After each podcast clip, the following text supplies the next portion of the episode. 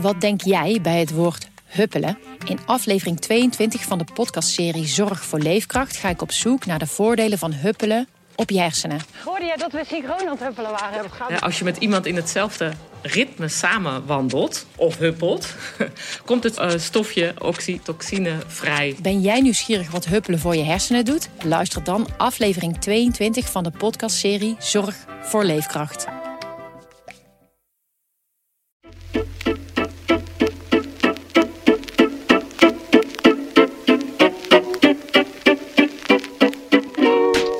Hallo, dit is Haags Half Uurtje, de politieke podcast van Trouw, waarin je alles hoort over het belangrijkste nieuws uit Den Haag en hoe dat ons leven beïnvloedt. We gaan de diepte in en vertellen je dingen die je niet in de krant leest. Mijn naam is Niels Marcus, ik ben de chef van de politieke redactie. En deze week zijn de rollen even omgedraaid, want onze vaste presentator Christo Schmid zit tegenover mij. Welkom Christophe. Dag Niels, hoi.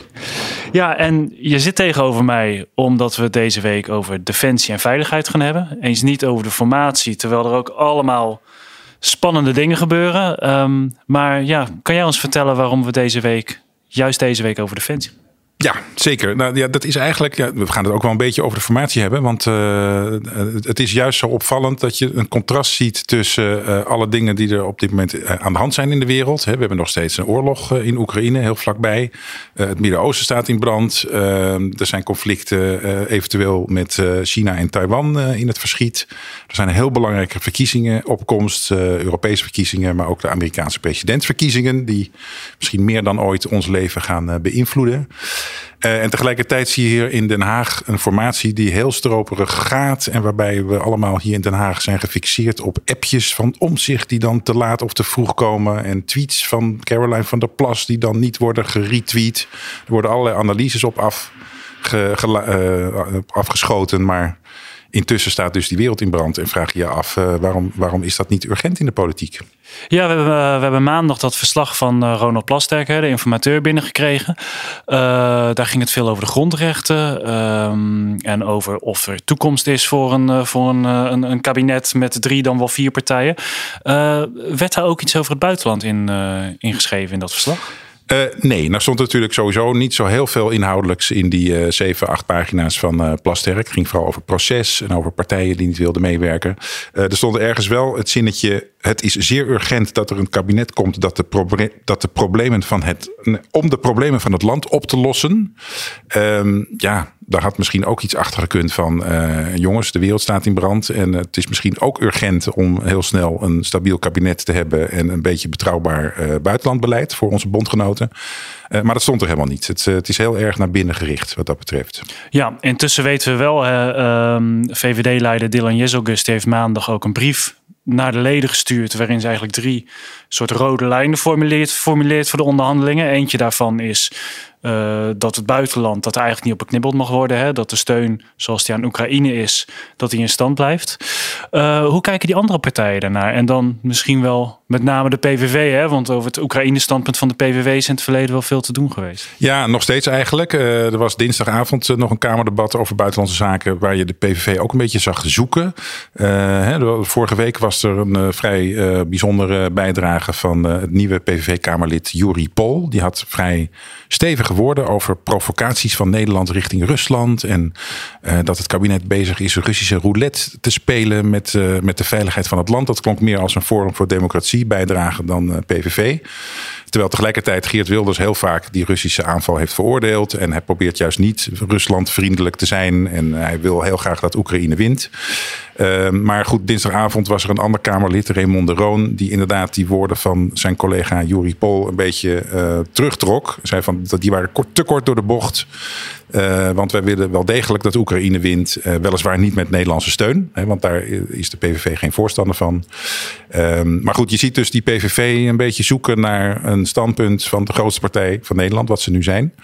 Um, en andere partijen weten daar nog niet helemaal goed mee om te gaan. Ja, ja. En wat zie je bij, bij, bij andere partijen die formeren? Er was eerder ook iets met, met, met BBB-Kamerlid Mona Keizer hè, over het misschien wel terugsturen van Oekraïense uh, vluchtelingen. Ja, dat was een beetje een symptoom, denk ik, van, uh, van de toenemende oorlogsmoeheid. die je eigenlijk in de hele westerse wereld wel ziet. Hè. We zijn inmiddels bijna twee jaar met die oorlog is die oorlog aan de gang. Ehm, in de Verenigde Staten zie je enige terughoudendheid opeens met het geven van, van financiële steun. En Mona Keizer die wierp inderdaad als voorstel op, een beetje luchtballonnetje was het, of proefballonnetje, van zouden we niet eens moeten nadenken over het terugsturen van Oekraïense vluchtelingen naar veilige gebieden in hun eigen land. Tegelijkertijd zie je wel in de Tweede Kamer nog steeds, ook na de verkiezingen, dat er wel een ruime meerderheid is voor steun aan, uh, aan Oekraïne. Uh, er was deze week geloof ik ook nog een motie aangenomen uh, over langjarige steun aan Oekraïne. En die kreeg echt een meerderheid, een ruime meerderheid. dus wat dat betreft de PVV staat een beetje alleen in dat standpunt van andere landen mogen best Oekraïne helpen, maar wij doen dat niet, want wij moeten voor onze eigen veiligheid zorgen. Um, dus wat dat betreft is die steun nog wel stabiel, ook voor een nieuwe regering, denk ik. Ja. Zou het kunnen dat een nieuwe regering ineens misschien wel veel meer nog moet gaan doen op het gebied van defensie en steun? Hè? We hebben dit weekend uh, was de Amerikaanse presidentskandidaat uh, Donald Trump weer in het nieuws over de NAVO. Hè? Hij zei eigenlijk, Europa moet maar gewoon zijn eigen boontje stoppen.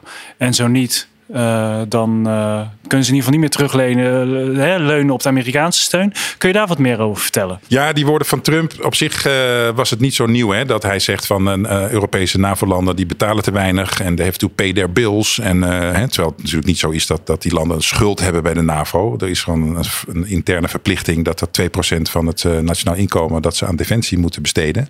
Maar goed, die Amerikaanse klacht is niet nieuw. Obama vond het ook al een, een probleem en zijn voorgangers eigenlijk ook. Maar die woorden van Trump waren nu wel heel erg hard. Want hij zei echt van Rusland kan lekker zijn gang gaan in die NAVO-landen. het kan mij om, they can do whatever the hell they want. Um, dat was een soort verkapte aanmoediging om NAVO-landen aan te vallen. Nou, dat hadden we nog niet eerder gehoord. Tegelijkertijd, Trump is natuurlijk nog geen president. Uh, er is kans dat hij het wordt, maar hij is het nu nog niet. En het is met hem altijd even afwachten um, in hoeverre wat hij zegt ook uh, uiteindelijk in beleid voortvloeit. Dus het is een beetje, maar goed, tegelijkertijd zijn de Europese landen zich wel degelijk ervan bewust. Jongens, we moeten echt op een gegeven moment onze eigen broek ophouden en zorgen dat we onszelf kunnen verdedigen. Want die Amerikaanse steun, dat is geen zekerheid voor het leven. Ja, zijn dat woorden? Zijn dat vooral hè, leiders die zeggen we moeten meer onze broek ophouden? Of zie je ook al in Europa en misschien in Nederland een ontwikkeling waar, waarbij we meer zelfstandig kunnen opereren? Ja, in Nederland is het natuurlijk al vanaf het begin van Rutte 4. Dus dat was nog vlak voordat de oorlog in Oekraïne begon. Die zeiden al van uh, we moeten echt miljarden meer aan defensie uitgeven. We moeten richting die 2 procent. Uh, dat is op een gegeven moment was het zelfs iets van 1,15 procent, geloof ik, als, als dieptepunt in de post-Koude Oorlogtijd. Uh, we zitten er inmiddels tegenaan, of misschien zelfs net iets overheen. Het hangt er maar helemaal vanaf wat voor een definitie je gebruikt. Hè, want je kan er allemaal uitgaven bij tellen en ook, ook niet. Duitsland is heel opmerkelijk dat die ook een enorme, hè, dat was die Zeitenwende. Uh, Duitsland was natuurlijk behoorlijk antimilitaristisch al die tijd uh, na de Koude Oorlog, maar beseffen nu ook uh, dat, dat er iets moet veranderen. Dus die zijn ook behoorlijk richting die 2% aan het gaan. Vorig jaar waren er geloof ik nog 19 NAVO-landen die daaronder zaten, waaronder Nederland. dat verandert dus wel snel. Ja. Uh, maar goed, ja, uh, je kan dat niet van de een op de andere dag opeens, uh, hup, we zitten op 2%. Dat, dat kost even tijd. Um, maar goed, er is wel iets uh, in gang gezet in Europa. Ja. Goed, dat is geld. Hè? Er wordt meer geld voor vrijgemaakt. leidt dat al tot extra troepen, tot extra materieel? Zie je een, een Europees leger in aanbouw? Nou, dat is nog steeds wel taboe uh, in heel veel Europese uh, landen. En de, de, de, populistische partijen hier zeggen steeds van... oh, de D66 en PvdA, GroenLinks, die willen allemaal een Europees leger. Maar dat willen ze echt niet. Dat is sowieso niet aan de orde. Wat dat betreft is de NAVO nog steeds wel uh, belangrijk. Ook infrastructureel. Die kunnen gewoon morgen in actie komen. Uh, tegelijkertijd zie je wel uh, in Nederland, hè, je kan natuurlijk wel zeggen van we gaan 5 miljard extra uitgeven aan defensie. Dan uh, is Trump blij. Maar je moet dat geld ook kunnen wegzetten. Hè. Er, er, is al jarenlang sprake van personeelstekort bij defensie. Dat is eigenlijk nog steeds een probleem. en je kan ook wel zeggen van ik wil morgen graag 100 stuks Patriot raketten hebben. Maar dat heb je ook niet van de een op de andere dag in huis. Dus dat geld dat blijft soms gewoon liggen. Mm. Ook al heb je het vrijgemaakt. Uh, dus de politieke wil is er om dat geld uit te geven. Um, maar het is niet altijd meteen in de praktijk uh, zichtbaar dat dat ook echt uh, in slagkracht vertaald wordt. Er zullen waarschijnlijk ook nog wel wat jaren overheen gaan voordat die industrie een beetje op gang is. Zeker, want ja. dat was ook de grote klacht van de afgelopen tijd. Hè, dat Europa eigenlijk bijna geen munitieproductie meer heeft. Dat moest allemaal uit Azië of Amerika worden geïmporteerd en dan gelijk doorgestuurd naar Oekraïne. Uh, nu zie je wel, er is geloof ik een groot contract gesloten tussen Duitsland, Nederland, Roemenië en Spanje, zeg ik uit mijn hoofd. Dat er een, uh, een grote fabriek komt in Duitsland, in Zuid-Duitsland, die dan duizend Patriot raketten per jaar, geloof ik, moet gaan produceren. Daarmee willen ze dus laten zien van Europa kan wel degelijk zijn eigen defensieindustrie en zijn munitieproductie opschroeven. Maar ook dat, uh, dat is nog maar een contract. En uh, die productie die, uh, komt veel later pas. Ja, jij hebt, je zei het net al een beetje, de afgelopen tijd een aantal Kamerdebatten rond buitenland en defensie gevolgd. Die 2%-norm, is die nou, hè, dat, er waren heel veel partijen in het verleden die vonden dat allemaal nou ja, niet zo belangrijk. Is, die nou, is daar nu wel brede steun voor in de, in de Kamer? Ja, Sterker nog, uh, er zijn zelfs veel partijen die dat willen verankeren in de wet. Hè, zodat eigenlijk elk kabinet, of het nou oorlog is of vrede, of dat kabinet nou links is of rechts, uh, die zijn er dan in de toekomst echt wettelijk toe verplicht om uh, 2% van, het, van de begroting aan defensie uit te geven dat begon heel klein. Ik geloof met SGP, VVD, CDA. was toen nog geen meerderheid. Maar inmiddels heeft ook Frans Timmermans tijdens de uh, verkiezingscampagne gezegd... daar zijn we ook voor om dat wettelijk te verankeren. Uh, ik hoorde dinsdagavond zelfs de D66-Kamerlid zeggen... die was tot nu toe tegen... Uh, dat die daar nu ook wel positief over denken. Dus ja, daar is, daar is wel een meerderheid voor. Behalve inderdaad de PVV. Ja, dus een kabinet, mocht die wet er komen met de PVV... heeft zich dan ook te houden aan die 2%-norm. Ja. Hoewel, ik moet mezelf even corrigeren, want ik zei wel behalve de PVV, maar die zijn eigenlijk ook wel voor die 2%. Willen dat niet te wettelijk vastleggen, maar ze, ze vinden ook dat Nederland moet voldoen aan die NAVO-verplichting uh, van uh, 2%. Uh, want uh, ze vinden dat heel veel Europese landen, waaronder Nederland, de afgelopen jaren een soort freerider is geweest. En, uh, ze hebben geprofiteerd van de Amerikaanse veiligheidsparaplu. Um, maar hebben daar zelf niet uh, verder zelf geen geld uitgegeven om, uh, om zichzelf te redden. Dus daar is de PVV wel voor. Helder. Um, dus je ziet de, de, uh, in Den Haag de urgentie toenemen. nu heb jij begin deze week was jij bij Klingendaal, of eigenlijk eind vorige week, waar ze met een onderzoek bezig waren naar hoe dat bij de Nederlanden staat. Ja.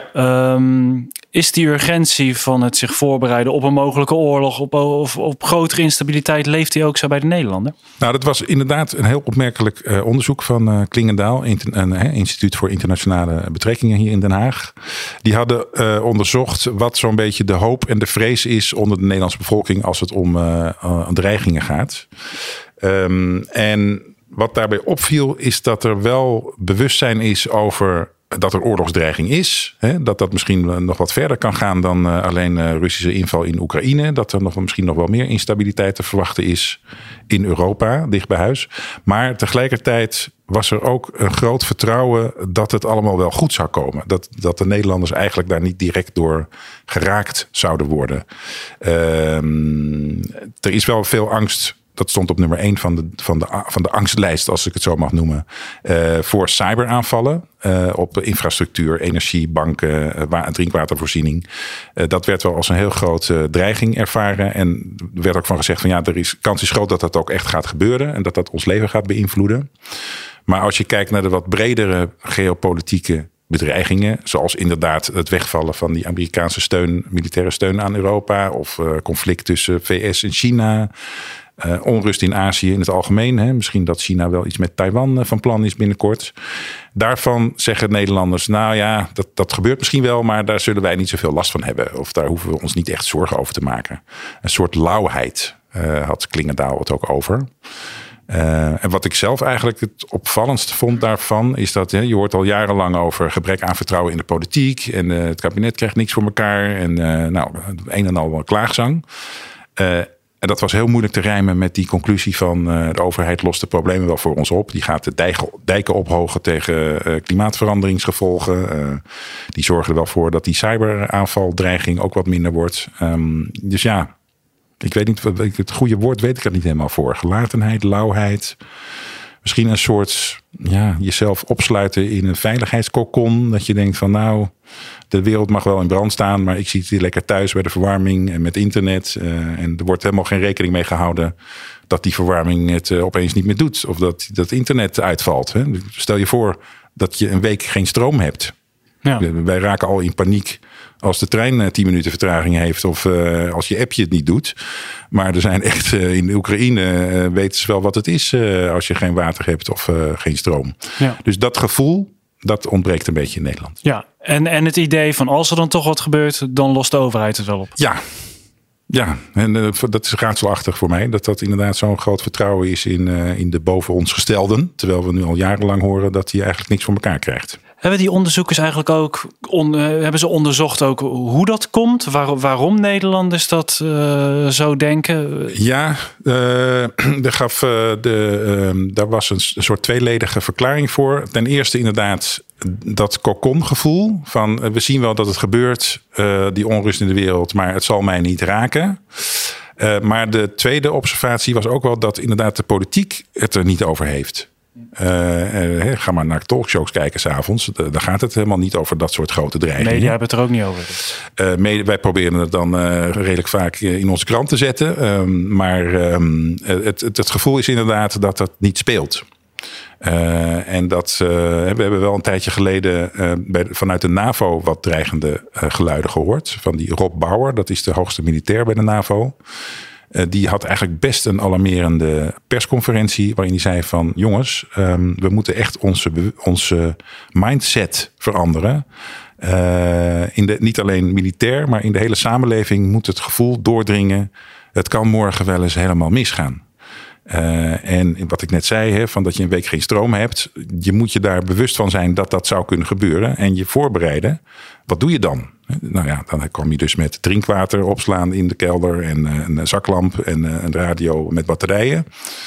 Uh, batterij misschien voor je mobiele telefoon. Want mm -hmm. als onze uh, Niels, dat weet jij ook, jij leent vaak mijn stekker om mijn telefoon op te laden. Uh, want een lege telefoon, dat is een soort angstbeeld voor ons. Maar, Zeker. maar dat soort dingen, dat bewustzijn van het, die luxe die we hebben, dat, dat, dat is niet zo vanzelfsprekend. Dat, dat hoor je meer mensen, militairen vooral, zeggen de laatste tijd. Ja, dus Nederlanders moeten, moeten water gaan opslaan, batterijen gaan opslaan. Is, maar ja, daar ligt ook een taak voor de overheid om dat, hè, daar een campagne voor te voeren. Of, ja. Uh, ja.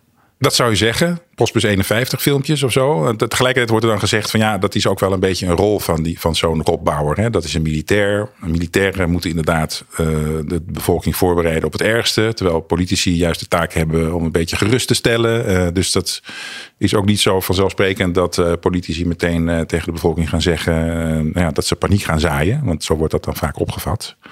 Maar inderdaad, die geluiden uh, van jongens, we moeten ons echt wel. Hè, we hebben nu 80 jaar vrede gehad.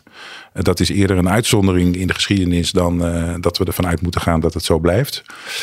dat bewustzijn, dat hoor je inderdaad niet zoveel vanuit de politiek. Ja, en de dreiging waar Bauer dan naar verwees, die zit hem ook met name in Rusland en de, de Oekraïne-oorlog, die mogelijk toch verder strekkende gevolgen gaat hebben? Ja, als Rusland, eh, stel dat Rusland wint in Oekraïne, uh, dan is het verhaal van ja, dan, dan gaat Poetin, die heeft uh, dan trek in meer. En die gaat misschien uh, speldenprikjes uitdelen. Het hoeft niet meteen dan een grootschalige invasie van Polen te zijn of iets dergelijks. Maar dat kunnen echt hele ontwrichtende cyberaanvallen zijn op infrastructuur.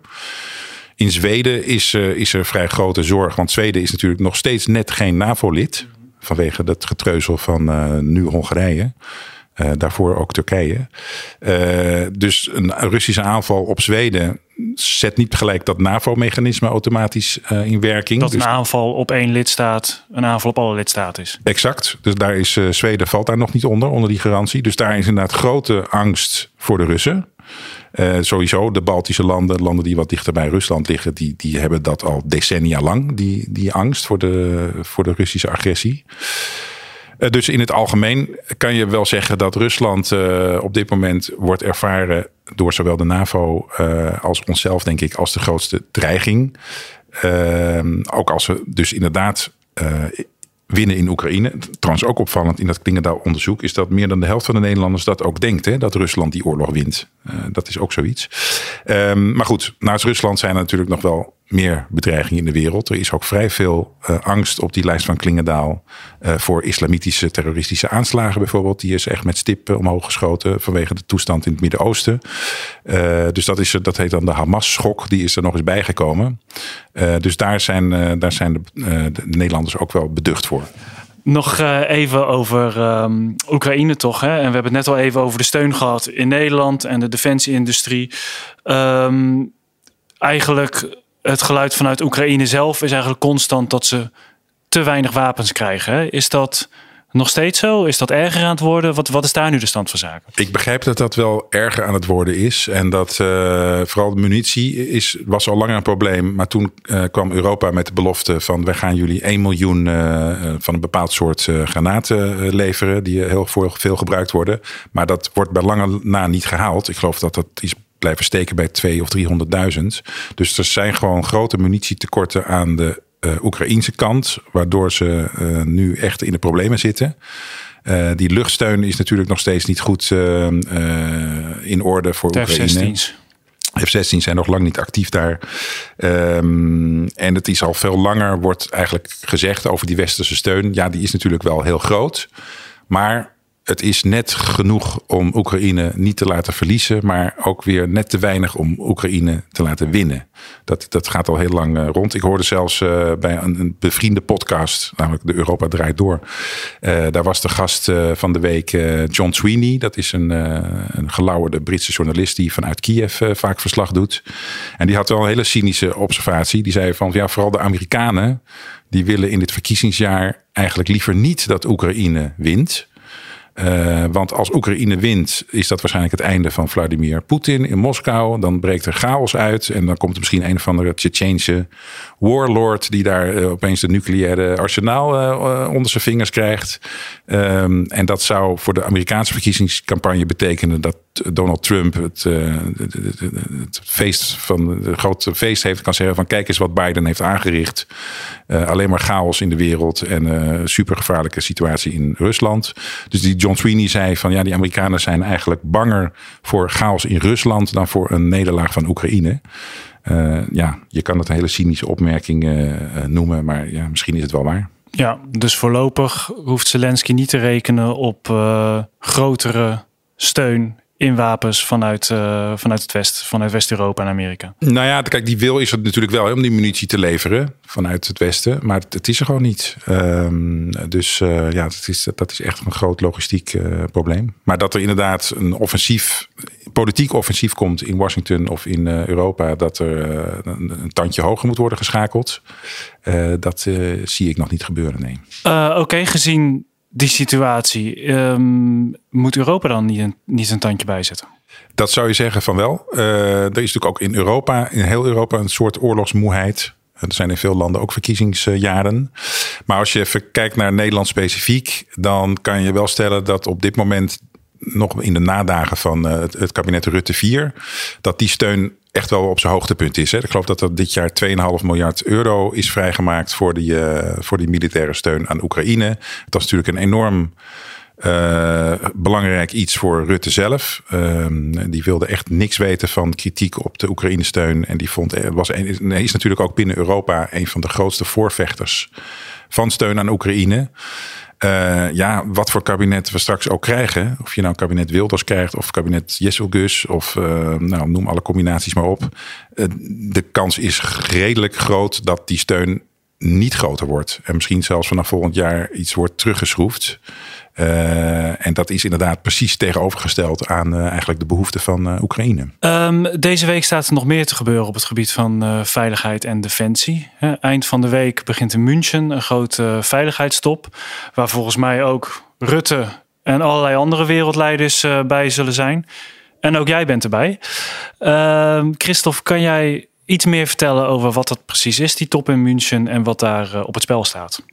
Ja, dat is een soort jaarlijkse hoogmis van uh, veiligheid en defensie uh, mensen die ertoe doen. Dus dat is vanaf 1963 is dat geloof ik begonnen. Het is geen strikt genomen geen politieke bijeenkomst. Het is niet van de NAVO of van de EU of zo. Het is echt een, uh, een particuliere uh, non-profit organisatie die dat organiseert. Het is eigenlijk een soort DAVO, hè, die World Economic Forum. Maar dan voor defensie en uh, veiligheidsaangelegenheden. Er komen iets van 50, 60 uh, regeringsleiders. Rutte zal er inderdaad zijn. Twee ministers, Ollongren en Bruin Slot zullen er zijn. Van Defensie en Buitenlandse Zaken. Inderdaad. Um, en het is dus nogmaals, het is niet echt een politiek forum waar besluiten worden genomen. Met een slotverklaring of zo. Nee, het is echt een discussieforum. Er zijn allemaal panels. Uh, er zijn toespraken. er is één heel beroemde aflevering van die conferentie geweest in 2007. Dat Vladimir Poetin daar een toespraak hield. Hè. Rusland was toen nog uh, onderdeel van de internationale uh, gemeenschap. Um, was toen zelfs het idee van ja, die gaan uiteindelijk mee met onze uh, liberale democratiewereld. Het einde van de geschiedenis. maar Poetin heeft toen eigenlijk voor het eerst gezegd, heeft toen voor het eerst zijn ware aard laten zien. Uh, tot schrik van vele aanwezigen. Het is, als je je verveelt, moet je het eens terugkijken op YouTube. Want het is fascinerend om te zien. Want je ziet dan op de eerste rij uh, bondskanselier Merkel en Jaap de Hoop Scheffer van de NAVO toen nog. Uh, en die zie je steeds bedenkelijker kijken bij wat Poetin allemaal zegt. Want hij haalde toen al uit naar de Verenigde Staten. Hij beklaagde zich over de uitbreiding van de NAVO. en toen zagen we eigenlijk pas voor het eerst uh, de echte Poetin. Hmm. Dus het is wel een podium, die conferentie in München, uh, waar uh, veel dingen gebeuren, waar, waar veel trends in defensie en veiligheid zichtbaar zijn internationaal. dus ja, ik heb veel zin in om dat, om dat te volgen. Ja, heb je daar dan nog bepaalde verwachtingen? Is het nou ja, de discussie zoals wij die hier net gevoerd hebben, zal daar ook gevoerd worden? is Zelensky er misschien? Is er, komt daar weer een lobby los voor, voor Oekraïne? Zelensky zal er misschien wel zijn. Het is nog steeds niet bekend wie er precies komt. Dat wordt allemaal angstvallig tot het laatste moment geheim gehouden. Um, maar het zal natuurlijk vooral over Oekraïne gaan, over het Midden-Oosten en waarschijnlijk ook wel, al dan niet op de voor- of achtergrond, over Donald Trump. Stel dat die president wordt, hoe moeten we ons dan uh, te weerstellen uh, tegen, uh, tegen zoiets? Um, en Zelensky trouwens, die heeft twee jaar geleden op die conferentie, dat was toen precies vijf dagen voordat de oorlog begon. Toen heeft hij daar ook een toespraak gehouden. Toen was hij nog netjes in het pak. Hmm. Sindsdien draagt hij dat oorlogskloffie. Maar hij ja. was toen nog en waarschuwde toen al voor die invasie. Iedereen zei toen van nee, dat gaat niet gebeuren. Maar vijf dagen was het zover. Um Premier Mark Rutte is in ieder geval, dat weten we. Uh, nu speelt er ook internationaal het een en ander uh, rond de demissionaire premier. Hè? Zo zou hij, nu net Jaap de Hoop Scheffer als een van zijn voorgangers, zou Mark Rutte mogelijk de nieuwe NAVO-baas worden. Ja. Is dit voor hem ook een podium om daarvoor te lobbyen? Uh, ja en nee, want hij ontmoet daar natuurlijk allerlei internationale belangrijke figuren die, die het allemaal ook goed moeten vinden dat hij de nieuwe NAVO-topman wordt. Aan de andere kant, hij komt daar zowat elk jaar. Hè? Ehm, dus het is in die zin niet specifiek dat hij alleen dit jaar daar naartoe gaat, omdat hij zo graag die NAVO-baan wil hebben.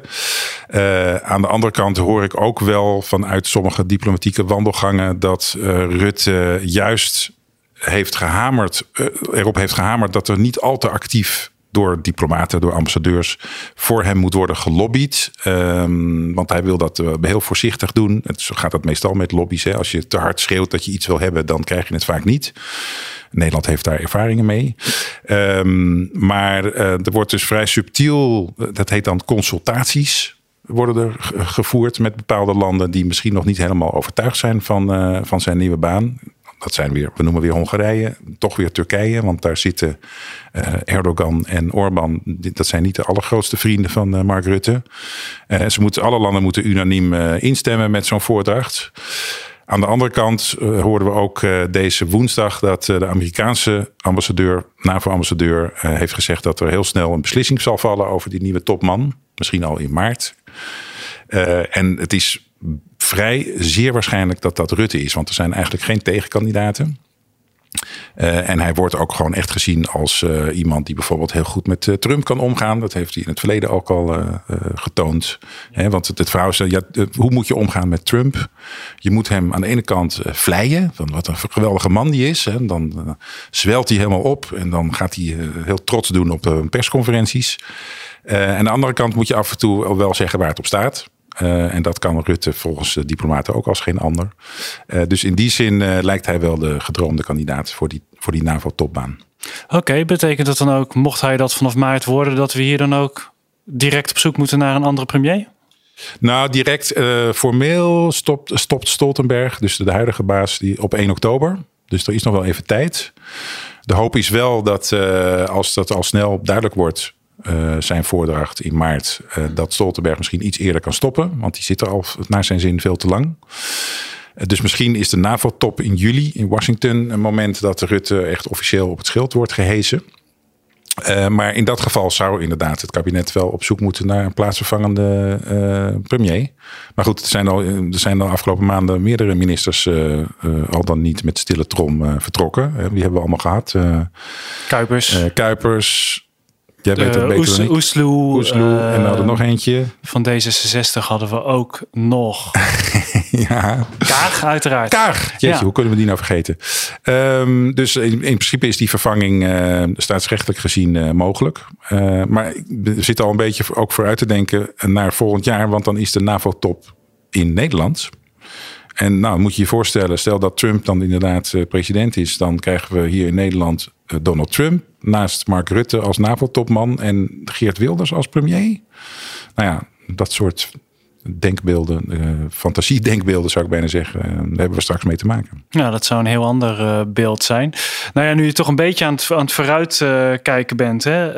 Um, ja, kan je nog iets meer zeggen over. Um, nou ja, deze week gaat de formatie een nieuwe fase in. Hè? Uh, er gaan uiteindelijk waarschijnlijk toch de partijen voor een deel die hier voor aan tafel gezeten hebben, moeten toch weer met elkaar in gesprek gaan over een toekomstig kabinet.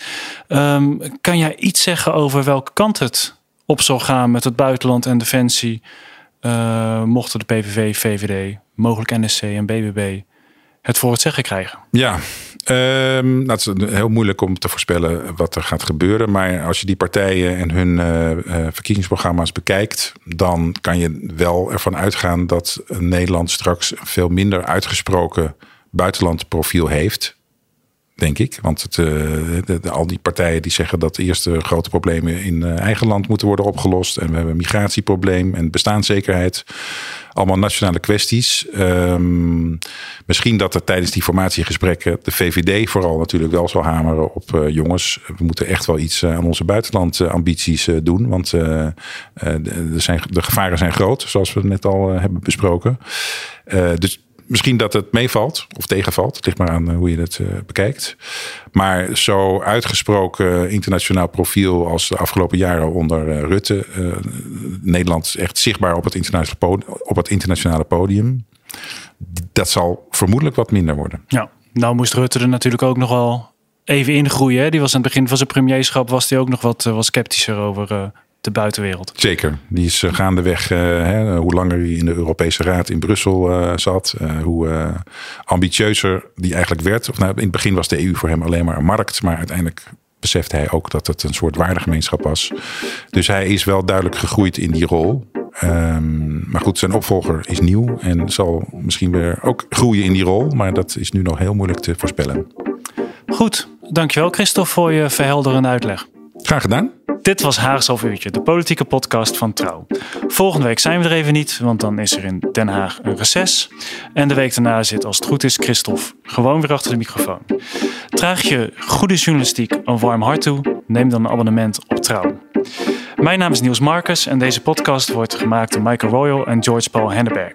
Graag tot de volgende keer.